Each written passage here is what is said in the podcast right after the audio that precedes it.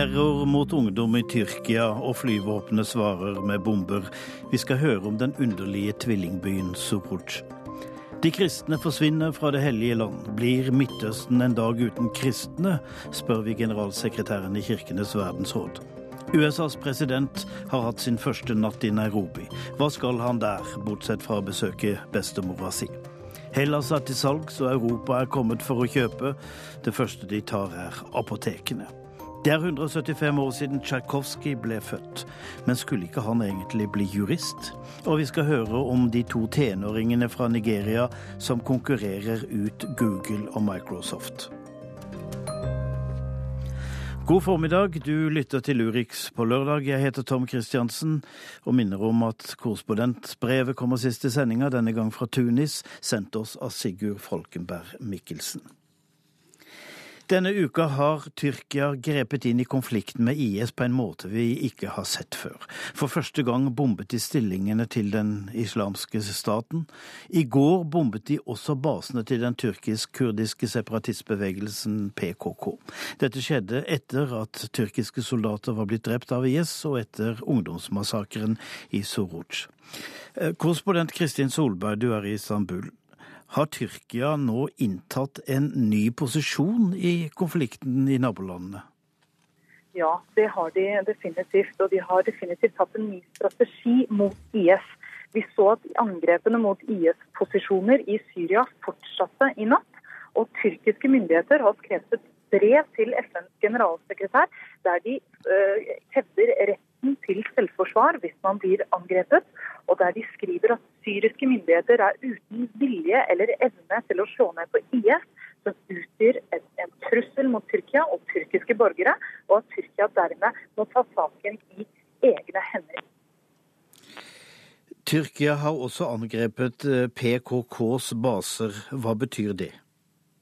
At det er en nokså betydelig og alvorlig utvikling. Det som har skjedd mellom PKK og myndighetene hele denne uken er alvorlig svært alvorlig for fredsprosessen mellom de to. Eh, etter angrepet i Soruc, der 32 mennesker ble drept, så klandret PKK myndighetene for å være ansvarlige for angrepet gjennom det PKK mener er støtte til IS. Og Onsdag så, så vi at to tyrkiske politimenn ble drept i sine hjem i en grenseby. PKK tok på seg ansvaret for det og sa det var et svar på angrepet i Soruch. Så så vi operasjonene i går mot flere byer der de både slo ned på IS og PKK, og ikke minst nå i natt med luftangrepene mot PKK-posisjoner i fjellene i Nord-Irak. Det er der PKK har sin hovedbase. Og myndighetene sier at luftangrepene slo ned på logistikk, baser og lagringsplasser til PKK. PKK sier da som et svar at nå har Tyrkia avbrutt våpenbilen ved å slå til mot deres stater i Nord-Irak. Så det ser svært stygt ut for nå. Du har jo eh, vært i Soruc den siste uka og vært sammen med de sørgende der etter at 32 ungdommer ble drept på et kultursenter. Eh, de var samlet for å hjelpe til i nabobyen Kobane på syrisk side av grensa. Kristin, la oss høre den fortellingen din fra Soruc. Ja, vi fikk problemer med det innslaget, men kommer tilbake til det eh, om et eh, øyeblikk. Men i mellomtiden samme, samme strøk i verden. De hellige steder i Det hellige land tømmes for kristne. Ja, i hele Midtøsten går tallet på kristne ned, og det er få som ser ut til å bekymre seg for det. Den islamske staten IS har til hensikt å utrydde dem, har de sagt. Generalsekretær Olav Fykse Tveit i Kirkenes verdensråd, velkommen. Kan du forestille deg Midtøsten uten kristne? De kristne har jo levd uh, i disse områdene siden kirka var til.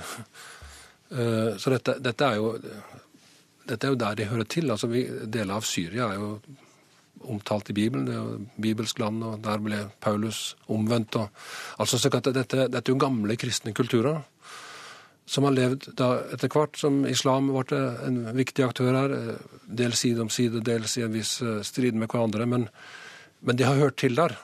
Men det store problemet nå er sånn vil de faktisk høre til der lenger? Fordi så mange av de kristne har flykta. Så mange av de unge kristne ser ingen framtid i å bli værende i Irak og Syria. særlig, særlig de to landene nå, da. At, at kirkene der er jo virkelig sånn reelt bekymra for om det er en framtid for, for kirker og kristne i, i disse områdene.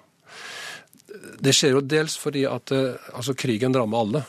Og, og er du en liten tallmessig minoritet, så, så merkes det enda bedre hvis, hvis, mange av dine blir borte.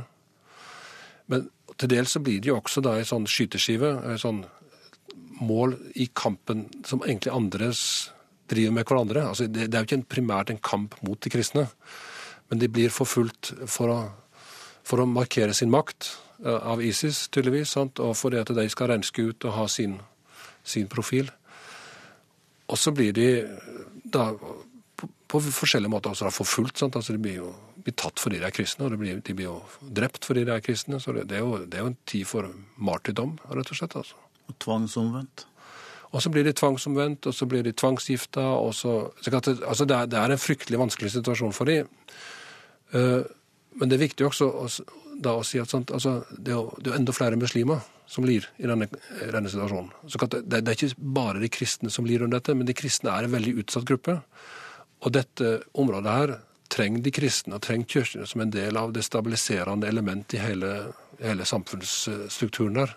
Så dette er ikke krise bare for de kristne, men det er krise for hele samfunnet. Kan kristne ha skyld i denne forfølgelsen selv?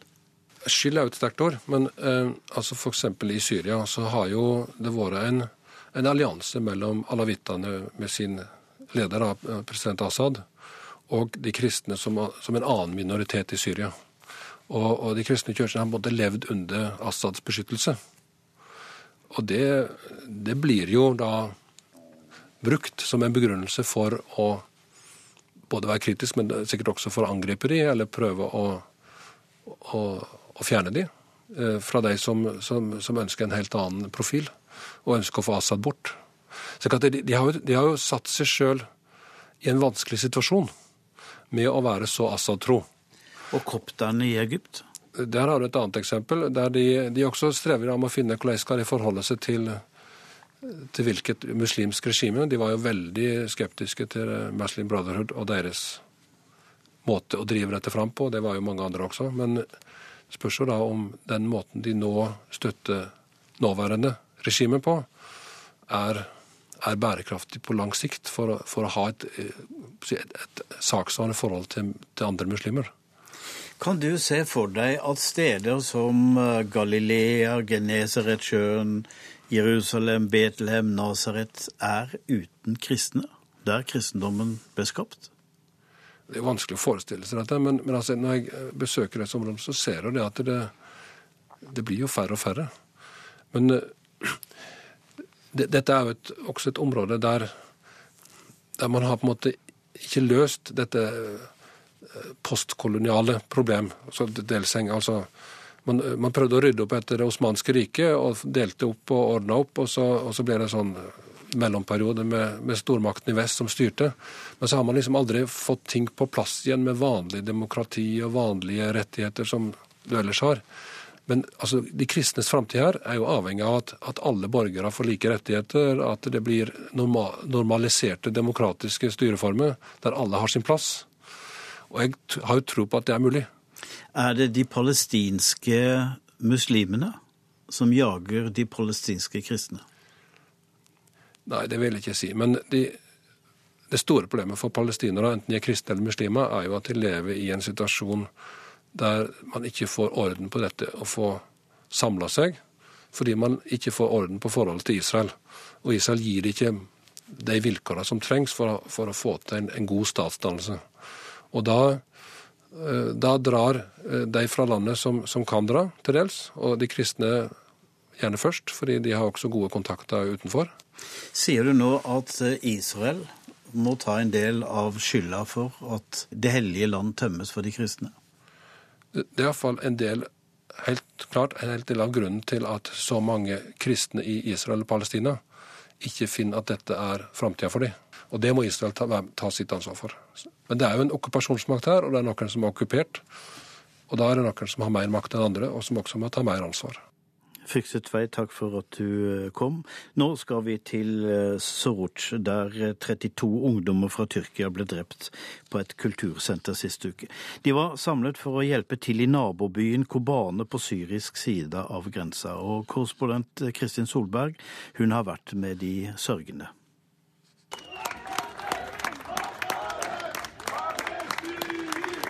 Ungdommer går på en rekke i mørket med fakler i den ene hånden, et vedtegn i den andre, til applaus fra dem de går forbi. Det er et fakkeltog til stedet der bomben eksploderte, der 32 av deres venner ble drept i løpet av et øyeblikk. På stedet for eksplosjonen stiller de seg opp rundt et provisorisk minnesmerke, og faklene deres lyser opp rosene og lekene som ligger der.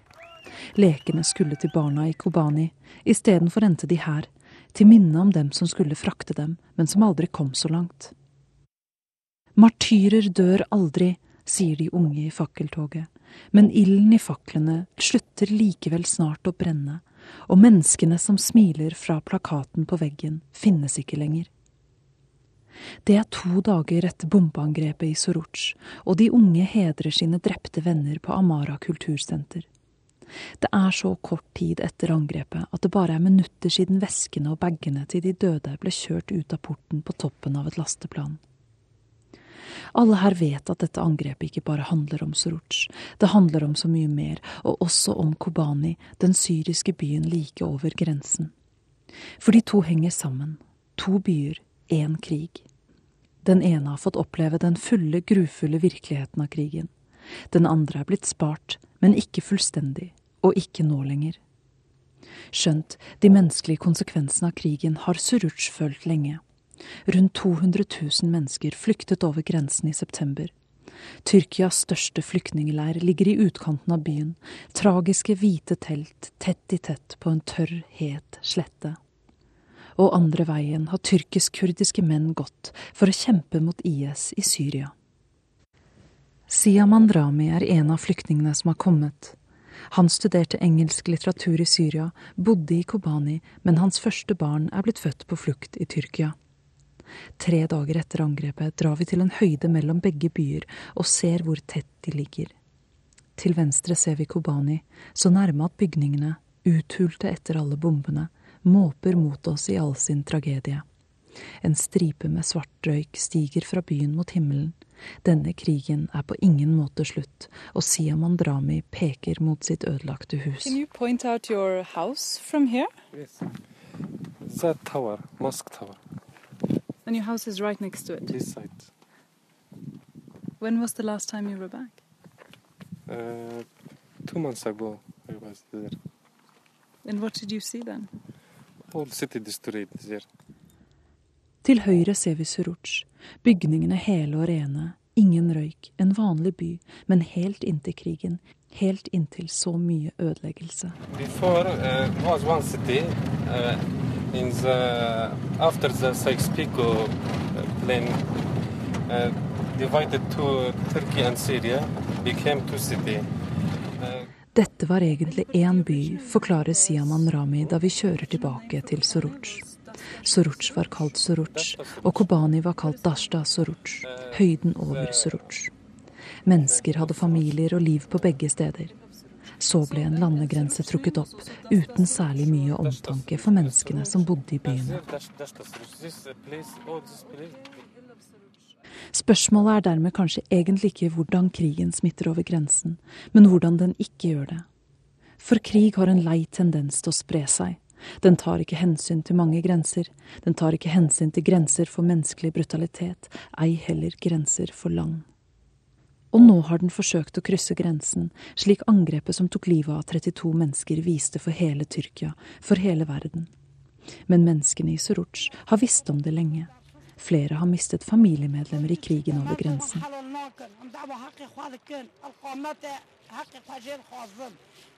Ved minnesmerket på åstedet for angrepet mot Amara kultursenter litt senere samme dag snakker jeg med en kurdisk-tyrkisk kvinne som mistet sin sønn i Kobani. Han ble skutt gjennom hodet av en IS-kriger. Hun bærer hans portrett på brystet, festet til blusen med en knappenål. Hun klandrer ikke bare IS, men hun klandrer også myndighetene for sønnens død, også for angrepet mot kultursenteret.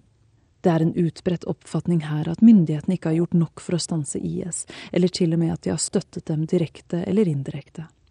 Det er anklager myndighetene benekter. De sier angrepet i Suruc skjedde nettopp fordi de slo ned på IS, som en slags makaber hevn fra de ekstreme jihadistene. Men det faller på døve ører blant mange her i Suruc. Samtalen vår blir avbrutt av en ambulansesirene. I gaten utenfor samler mennesker seg, de klapper og igjen viser de V-tegnet. En kvinne gråter og banker hodet inn i en av de to ambulansene. Ambulansene frakter døde kurdiske krigere fra Syria hjem til Tyrkia, drepte av IS på den andre siden av grensen. Menneskene langs gaten roper at martyrer aldri dør. I bilene som følger etter ambulansen, de som inneholder familie, slektninger og venner, viser de vedtegnet ut av vinduet tilbake til tilskuerne. Men bak frontrutene er tårer, de strirenner nedover ansiktene. Vedtegnet. Noe må man fortelle seg selv, at det er en mening med det hele. Men krigen fortsetter, nå er den nesten her, og her finnes ingen vinnere, bare uendelig mange tapere.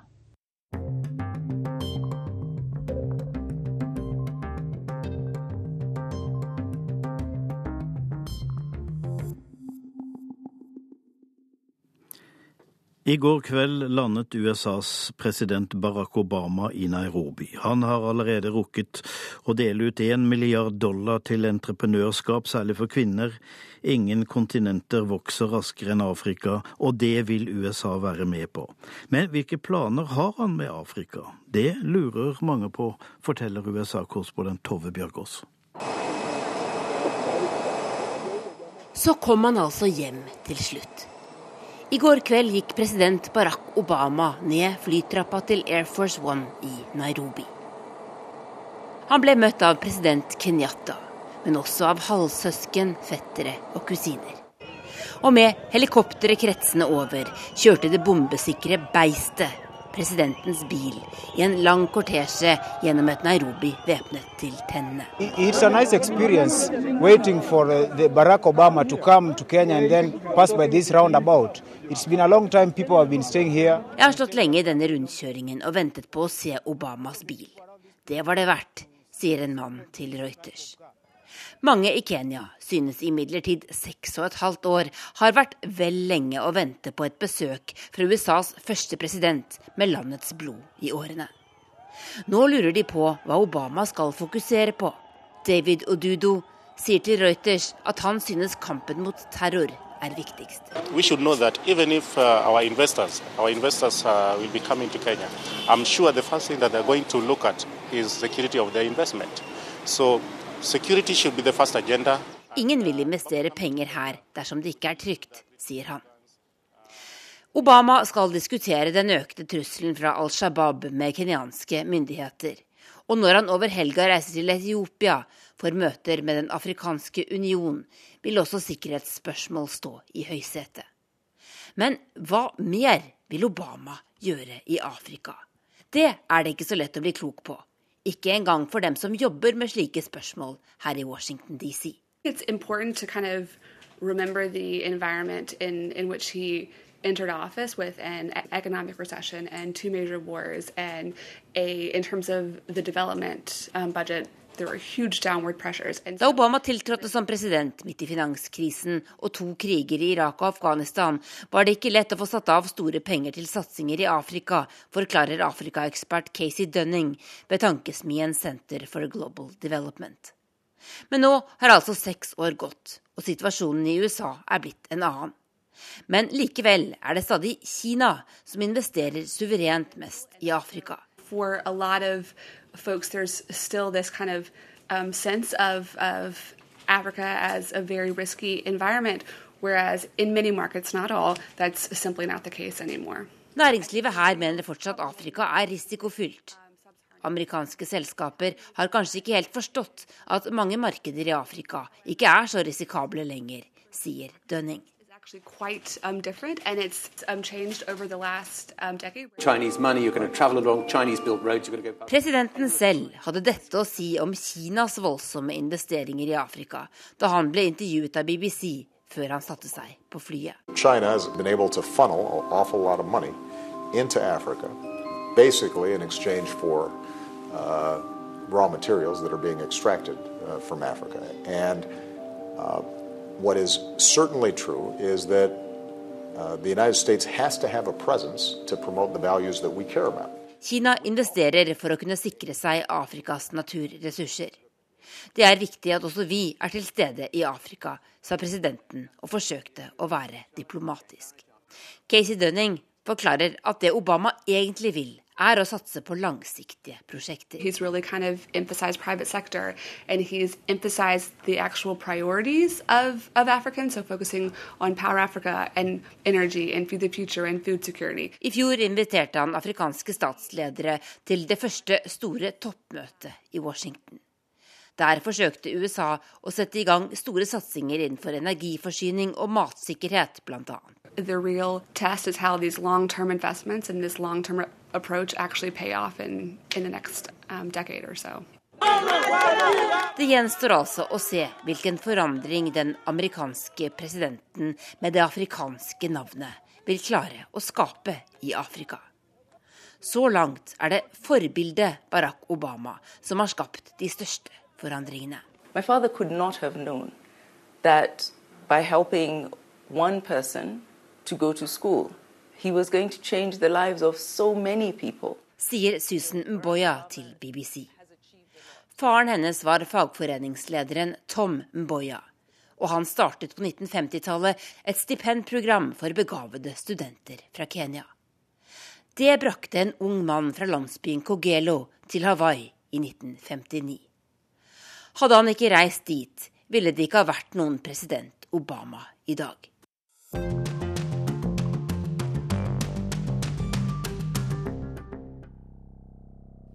Man kan få hodepine av mindre enn en gresk finanskrise. Så det er godt Hellas har verdensrekord i antall apoteker per innbygger. Men de skal ikke være greske lenger, de heller. Blant de upopulære reformene tredd ned over hodet av EU, skal de kunne selges som alt annet. Kanskje blir det den tyske farmasøytiske industrien som kjøper opp alt. Grekerne tror det verste, forteller reporter Stig Arild Pettersen gatelangs i Aten. Det er sommerhett her i den greske hovedstaden Aten. Og til tross for økonomisk kaos og usikkerhet, så syder gatene av turister på vei opp til Akropolis, som ligger rett oppi gata her. Og skulle uhellet være ute, ja, kanskje et heteslag eller en aircondition påført forkjølelse, så er hjelpen aldri langt unna. Det finnes nemlig ikke noe annet land i verden som har så mange apoteker som Hellas.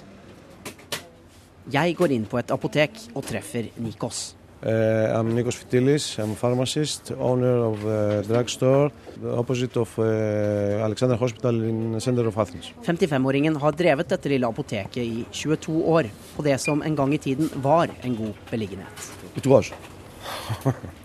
Because it's, everything changed. Everything. Uh, there are uh, a lot of problems from the hospital. Uh, the people that coming, it's very poor. Don't have money usually to get your, their medicines. Og som ikke dårlig kjøpekraft blant kundene og manglende tilgang på viktige medisiner var nok, vil Nikos og hans mange tusen kollegaer snart utsettes for en enda større utfordring. Som gjenytelse for det over 750 milliarder kroner store kriselånet som Hellas og EU ble enige om tidligere denne måneden måtte den greske regjeringen gå med på å avregulere landets apoteksystem.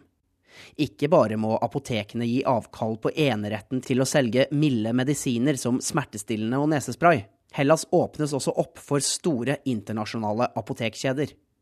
Det er en utvikling apotekeier Nikos frykter. Very difficult for us to be competitive uh, to this kind of uh, stores, to this kind of pharmacies. Særlig ute på de mange greske øyene vil de lokale apotekene måtte stenge, mener han. The, the small islands they have only one pharmacy now, and if it's closed, they will be to go another island to, to take their medicines.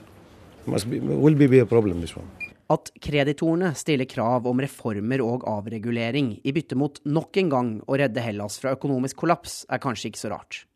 Men det mange grekere irriterer seg over, er at andre EU-land ikke blir utsatt for samme krav. Selv om greske apoteker nå må oppgi sitt monopol på å selge bl.a. smertestillende, får deres franske kollegaer beholde sin enerett. Søndagsåpne butikker, et omstridt tema også i Norge, er også noe EU nå pålegger Hellas. Men i Tyskland er det fremdeles forbudt, og i Frankrike strengt regulert. Et annet monopol som kreves avskaffet nå, er meieriprodukter. En gresk stolthet som neppe vil tåle konkurranse fra de store europeiske selskapene. Grekerne har blitt vant til tunge tider, og turistene vil nok aldri svikte landet. Men å påføres regler av andre EU-land som disse landene selv ikke ønsker å følge, kan bli ja, en bitter pille å svelge.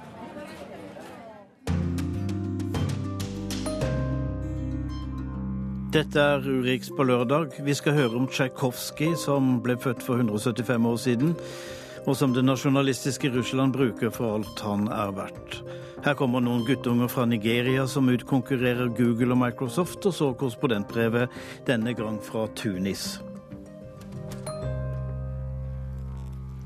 Det har vært nye amerikanske skyteepisoder, og nå er begeret fullt for president Barack Obama. I et intervju med BBC denne uken sa han det rett ut min største frustrasjon er fraværet av en reell våpenkontroll.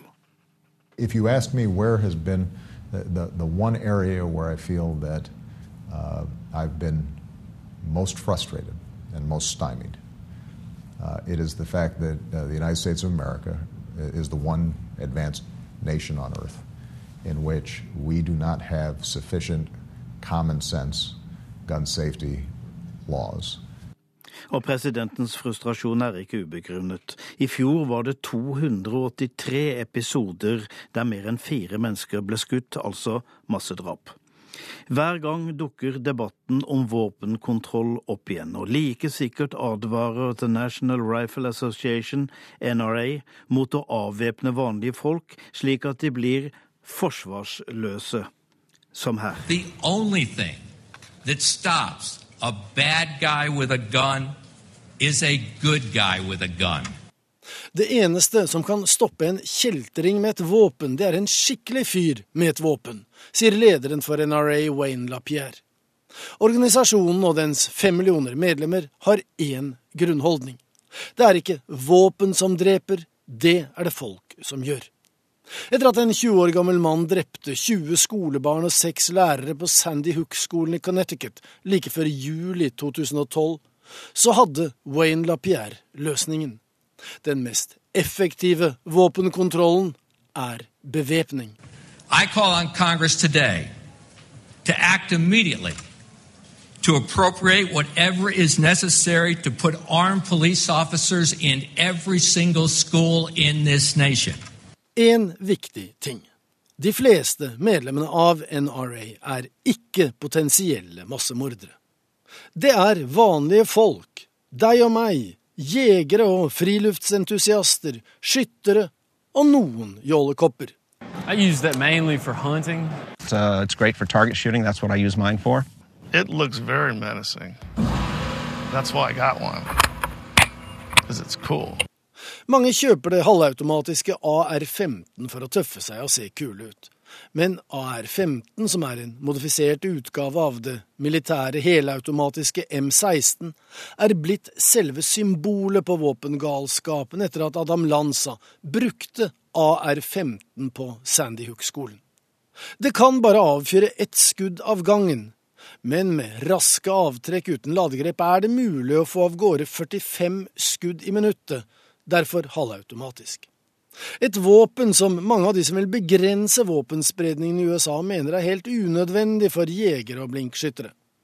Tom Diaz var tidligere medlem av NRA. Nå er han en ivrig tilhenger av og talsmann for våpenkontroll. Modifiseringen av det militære M16 er nærmest ubetydelig, sier han.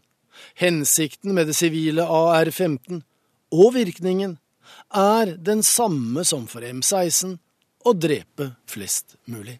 They carry forward into civilian life precisely the function that they were designed for in combat, which is to kill or injure large numbers of people at close to medium range. Halvautomatiske angrepsvåpen var forbudt i ti år, fra 1994 til 2004. Men det midlertidige forbudet ble ikke forlenget av Kongressen. Kanskje fordi NRA regnes som en av USAs aller mektigste og dyktigste lobbyistorganisasjoner. De har gitt økonomisk støtte til mer enn halvparten av de folkevalgtes valgkamper, og vil ha valuta for pengebidragene i form av riktig votering i Kongressen. Og de er raske til å informere velgerne dersom en representant stemmer såkalt feil i våpenspørsmål, med de åpenbare konsekvensene det kan få. Sports. And we're growing stronger every day. We are the NRA, and the NRA is you. Nok en gang, det er feil å tro at fem millioner amerikanere er med i NRA fordi de ønsker å drepe folk. De færreste attentatmenn er NRA-medlemmer, men mange respektable og respekterte borgere er det. En rekke høyesterettsdommere for eksempel skal ha vært medlemmer, regjeringsmedlemmer og guvernører, senatorer og presidenter, og presidentkandidater. En av republikanernes 2016-håpefulle kandidater, Ted Cruz, hilste, blant flere andre kandidater, NRAs årsmøte i april i år på denne måten. God bless the NRA! Men det er et tankekors. Om de som er tilhengere av våpenkontroll, skulle få et flertall slik at disse halvautomatiske, såkalte angrepsvåpnene blir forbudt igjen, så utgjør disse en helt usedvanlig liten prosent av alle våpen i omløp. Dessuten er våpenprodusentene flinke til å bygge om og endre disse våpnene, slik at de da, i løpet av kort tid, selv om det i prinsippet er det samme våpenet, så blir det legalt fordi skjeftet eller kolben har fått ny utforming eller design, slik at kundene på de mange våpenmessene kan få kjøpt det de er ute etter, sågar på tilbud. Come on, folks! America's number one selling firearm, the AR 15, brand new in the box, only 9.99. På grunn av skytetragedier er vi blitt kjent med steder som Columbine og Virginia Tech med Fort Hood og Sandy Hook. Det har vært massakrer på McDonald'ser og i kinoer, på supermarkeder og arbeidsplasser. Motstanderne mener det er for mange våpen i omløp. Tilhengerne hevder at det ikke bare er demokrater og liberalere, våpenskeptikere og kontrollfriker på ville veier, men deres standpunkt er grunnlovsstridig.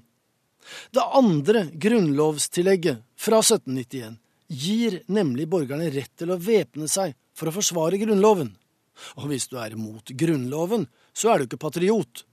Og er du ikke patriot, så er du ikke til å stole på, og er du ikke til å stole på, da er du un-American og dermed en forræder, og det er nettopp slike man har våpen for å forsvare seg mot. And I'm here to tell you, 1776 will commence again if you try to take our firearms.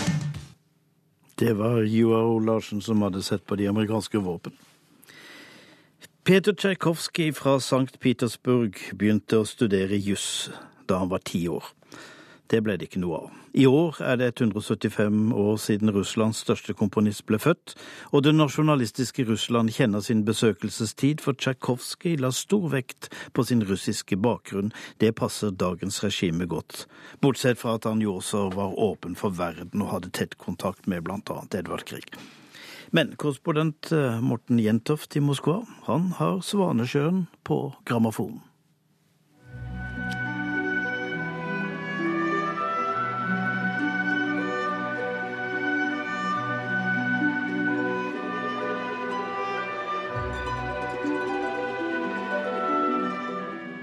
Peter Tsjajkovskij er den klassiske komponisten som alle kjenner. Musikken fra 'Svanesjøen' nådde ut til et enda større publikum etter den kritikerroste filmen om Den svarte svanen for noen år tilbake. Ни один композитор не может с ним сравниться по своей доходчивости, по своей Det er ingen som kan sammenlignes med Tsjajkovskij, i alle fall ikke her i Russland, når det gjelder å nå ut til et bredt publikum, sier Polina Weimann, som i 40 år har arbeidet her på Klin-museet, og bl.a. også samarbeidet tett med norske musikkforskere om en utstilling om Tsjajkovskij og hans norske kollega og samtidige Edvard Grieg. Это вопрос невероятно актуальный, потому что og det er nettopp Tsjajkovskij som både en mann med dype røtter i sin egen kultur, og som en mann som hadde tette kontakter ikke bare med Edvard Grieg, men med hele den europeiske kultureliten. Jeg er kommet til Klin for å snakke med Polina Weimann om. Og dette er et aktuelt tema nå, når Russland på mange måter isolerer seg fra resten av Europa pga. konflikten om det som skjer i Ukraina.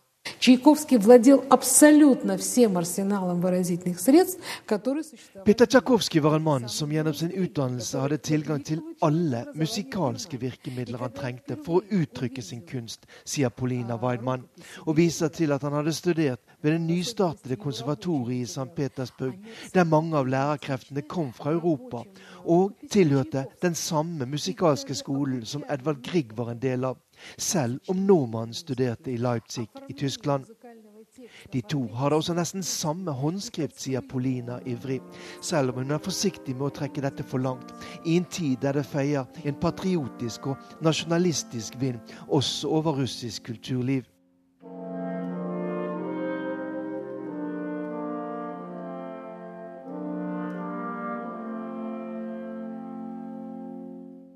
Peter Tsjajkovskij var den begavede og overfølsomme gutten som via studier i juss og offentlig administrasjon fra midten av 20-årene viet seg helt til musikken.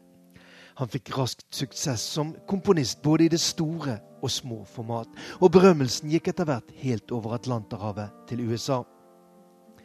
Men hans privatliv var omskiftende. Et hastig inngått ekteskap var over i løpet av to og en halv måned. Og i brev til sin bror Modest var han åpen om at han var tiltrukket av menn. Få komponisters privatliv har vært så omdiskutert som Tsjajkovskijs. I sovjetperioden ble hans mulige homoseksualitet helt skjøvet til side. Etter glasnost og perestrojka ble det mer åpenhet om dette også i Russland. Mens det nå i forbindelse med 175-årsjubileet for hans fødsel igjen er mindre rom for diskusjon og toleranse overfor andre seksuelle relasjoner enn dem mellom mann og kvinne.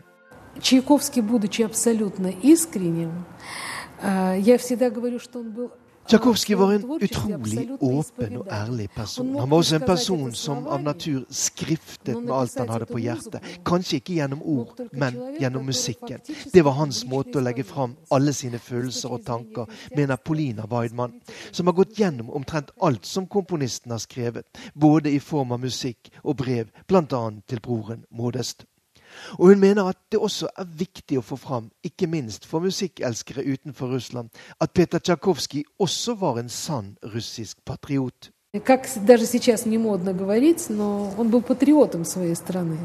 Он очень, очень Tsjajkovskij fulgte tett med det som foregikk i tiden. Krimkrigen mot Tyrkia, den britiske marinens bombing av russiske havner. Og han skrev bl.a. en sang tilegnet dem som frivillig forsøkte å bygge opp igjen den russiske flåten, sier Polina Weidmann på Tsjajkovskij-museet i Klin nord for Moskva. Men først og fremst vil Polina Weidmann snakke om musikken til Peter Tsjajkovskij. Ikke minst den delen av den som er ikke så veldig kjent i utlandet.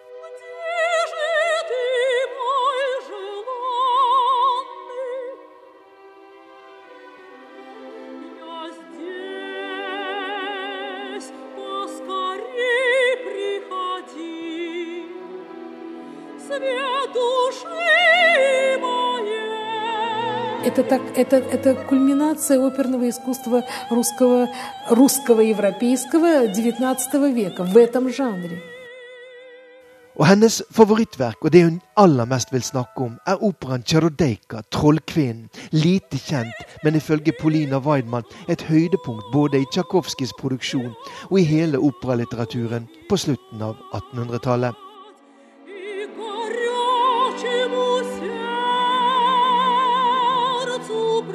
Я знаю замечательных оперных режиссеров и дирижеров, которые, для которых «Чародейка» — любимая опера. Поэтому я надеюсь, что ее время тоже еще впереди.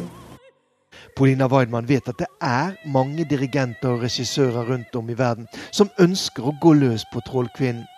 Kanskje verden dermed snart får øyne og ører opp for dette mesterverket til Peter Tsjajkovskij, Russlands største komponist, som ble født for 175 år siden.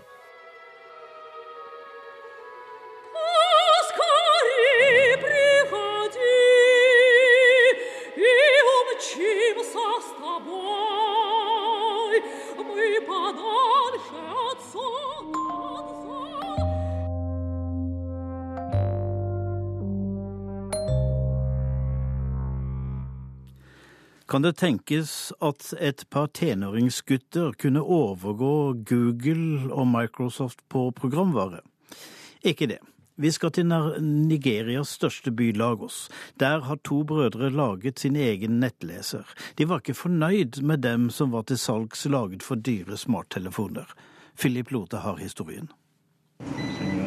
Fingrene flyr over skjermen i kvikke, innøvde bevegelser. Og Sine og Anesi Ikianosime er som mange andre tenåringer. Aktive i en verden hvor det å beherske og være til stede på sosiale medier definerer hvem du er. Nå er de 14 og 16 år gamle, men for allerede to år siden startet de en entreprenørkarriere. Guttene er nemlig ikke kun aktive på nett, de er også gode til å programmere. I had like a small phone at the time when I started. When we Google Chrome, like the that was like the main browser on the phone, and it wasn't really functional for me. So I decided to make something that can work for myself. Jeg hadde en ganske liten telefon. Da jeg startet å lære koding og å programmere, var Google Chrome og tilsvarende hovednettleseren på telefonen. Og den var egentlig ikke særlig funksjonell. Så jeg bestemte meg for å lage noe som virket til mitt bruk, forteller Anesi, den eldste av de to brødrene. La oss starte ut ifra algebra, sier lærer Nevartukwu Sylvester, som er assisterende rektor. Det er god arbeidsmoral i klasserommet Green Spring skole, en av de bedre i Lagos. Og Sine er en av de som ofte svarer på lærerens mattespørsmål. Uh, de er veldig utforskende. Jeg underviser den yngste, og han er veldig kvikk. Og legger ned mye undersøkende arbeid, sier læreren. Veksten i mobilbruk i Afrika sør for Sahara er med på å endre kontinentet. I 2014 var det 330 millioner mobilabonnenter, mens de i 2020 er ventet å passere en halv milliard, viser tall fra mobilindustriens egen organisasjon GSMA. De fleste afrikanere bruker enkle og billige telefoner, hvor den beste programvaren og de beste nettleserne rett og slett blir for avanserte. Det er her Osine og Anesi Ikeonosime og deres nettleser Crocodile Browser Light kommer inn. De sier at deres produkt er både raskere og kan støttes av enklere og billigere telefoner. I just want to solve problems that people have to make people's life easier and better. Jeg ønsker egentlig kun å løse problemer som folk har, og å gjøre folks liv enklere og bedre, sier lillebror Osine. Det er han som programmerer, mens storebror lager designet på Crocodile Browser Light. Produktet er unnfanget på skrivepulten i det øvre middelklassehjemmet i Lagos, og det har blitt lagt merke til av de store aktørene som ser Afrika som et spennende vekstmarked. You know, they should keep working on it and keep improving it, so that even beyond this stage where there's a lot of publicity around it. Nå til å begynne med vil mange laste ned nettleseren av nysgjerrighet, og for å få en følelse av hvordan den er. Men det er viktig at de fortsetter å jobbe med produktet utover den første publisiteten, sier Chukwumeka Afigbo, programvaredirektør for Google i Nigeria. You know, uh, it's either superior or there's something it does especially well. Og guttene har ikke tatt av, og fokuset er fremdeles like jordnært som det er visjonært. De ønsker å tilby mobilløsninger på utfordringer som folk har i hverdagen, ikke bare i Afrika, men i alle utviklingsland. Det er mange som tror jeg er en smart milliardær-IT-ungdom, men de vet ikke at jeg ikke tjener noe penger på dette, og at jeg er akkurat som dem. Det er ikke noe spesielt med meg, sier Osine, den yngste av brødrene Ikiano Sime. There's nothing special about me.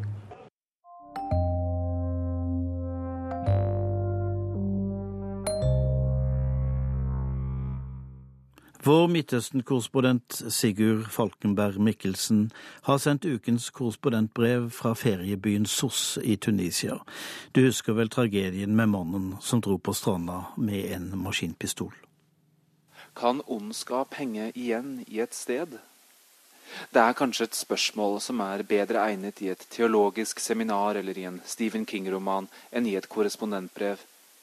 Men jeg klarer ikke fri meg fra spørsmålet fra tanken nå rundt en måned etter terrorangrepet på Imperial Maraba hotell i Sos i Tunisia. Det kom nemlig over meg et grøss i den fuktige middelhavsvarmen. En indre skjelving da jeg ankom stedet. Jeg sto utenfor porten på hotellet hvor 38 mennesker var myrdet.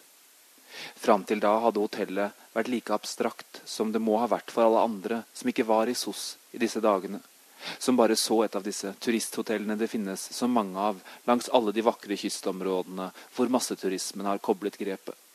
Et forsøk på å lage et staselig hotell uten å bruke altfor mye penger. Det var heller ikke noe spesielt i situasjonen for meg sett fra et journalistisk ståsted. Et drøyt døgn hadde gått siden hendelsen. TV-kameraene var på plass. Det var ingen blodspor å se.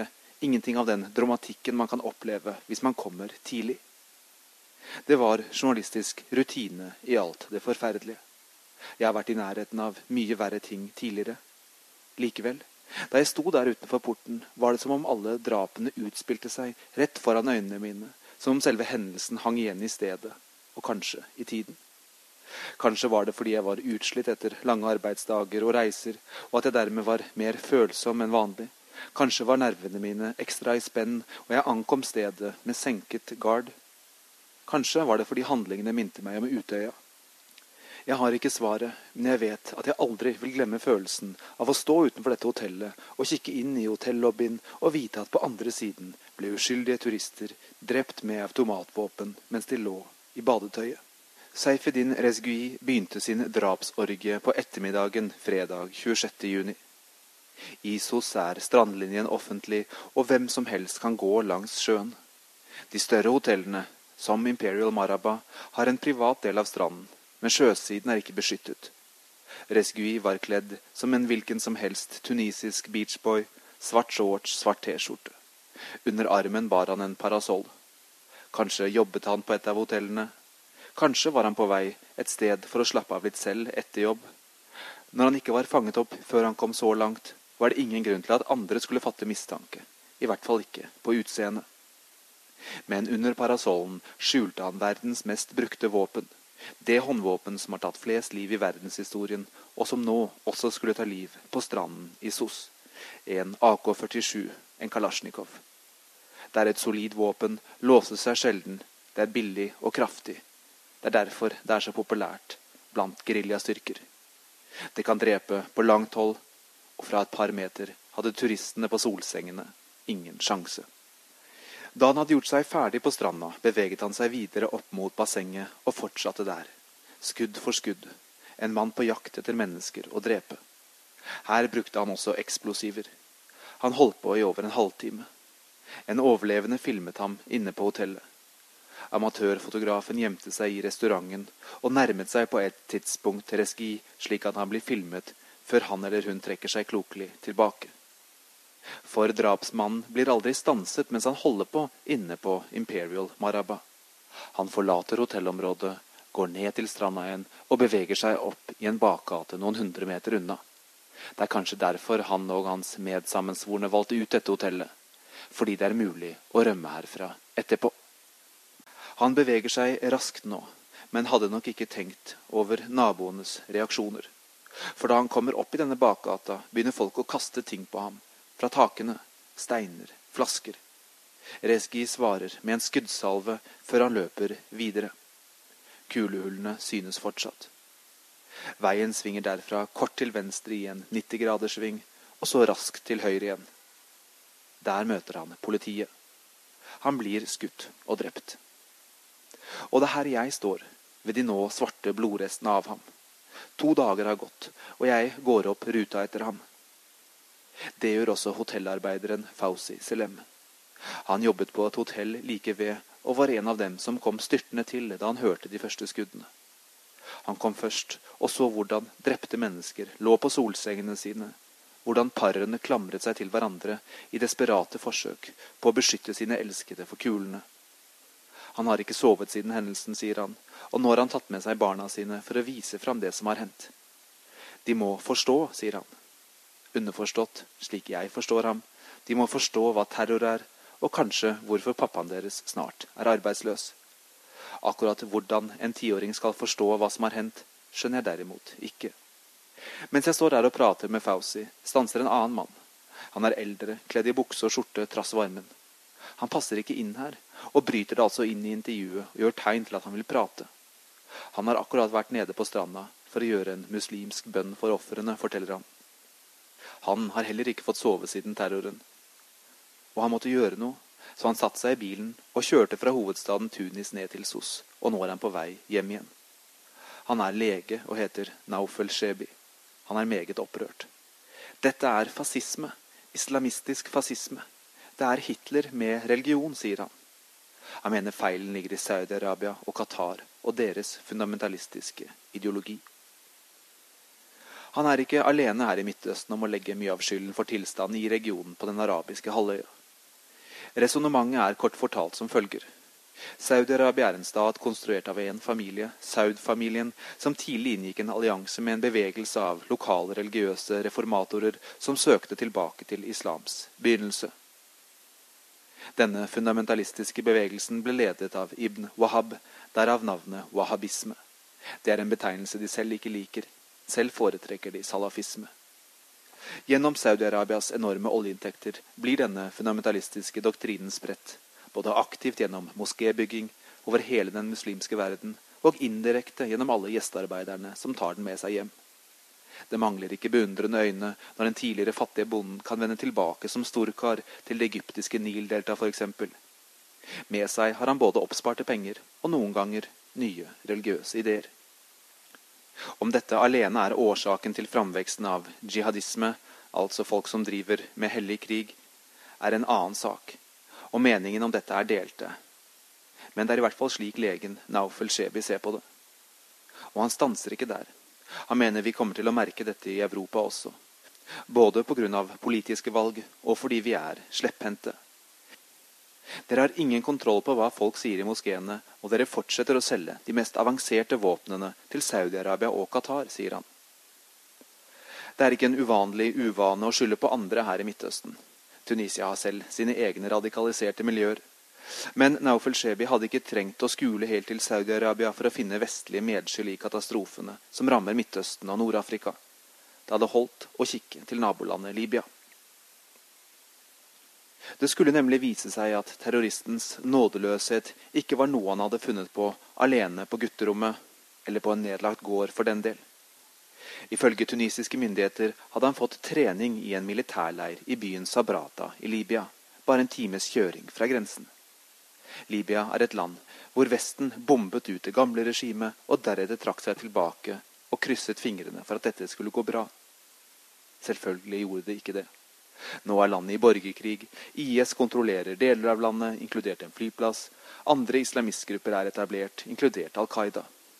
Også her håpet de en gang på å bygge opp turismen, men det er lenge siden nå. Nede på stranda hvor Rescui drepte sine første offer, lå det noen blomster og noen minneplakater. Mine personlige rystelser fra dagen før var borte, og hvis ondskapen lå igjen her, merket jeg den ikke. Det var mer blitt et sted for stille tanker i kombinasjon med det kaoset som følger med skuelystne og myndighetspersoner som dukker opp uten at de vet helt hva de skal gjøre. Både britiske og andre europeiske myndigheter advarer nå mot å reise i Tunisia pga. frykten for nye angrep. Det er en dødsdom for turistindustrien denne sommeren, og dermed for en viktig del av Tunisias allerede hardt pressede økonomi. Tunisia klarer neppe å løse problemene på egen hånd. Til det er utfordringene for store i disse urolige tider. Selv europeiske stormakter og deres godt utbygde etterretningsnettverk sliter med å holde tritt. Å bygge en mur på grensen til Libya, slik Tunisia nå er i gang med, virker i hvert fall ganske fåfengt. Det er også en fare for at landet, i møte med denne terroren og frykten for ny terror, kan gå i autoritær retning. Det vil i så fall være en trist skjebne for landet hvor den arabiske våren startet.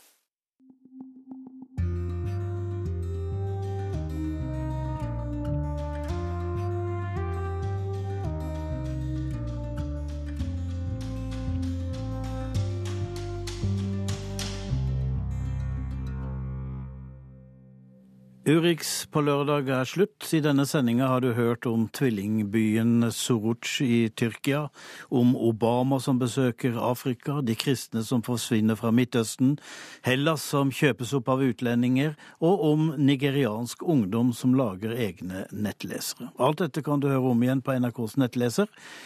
Teknisk ansvarlig Guri Hertzberg Finnsveen, i redaksjonen Elise Heisel Asbjørnsen, og jeg heter Tom Christiansen.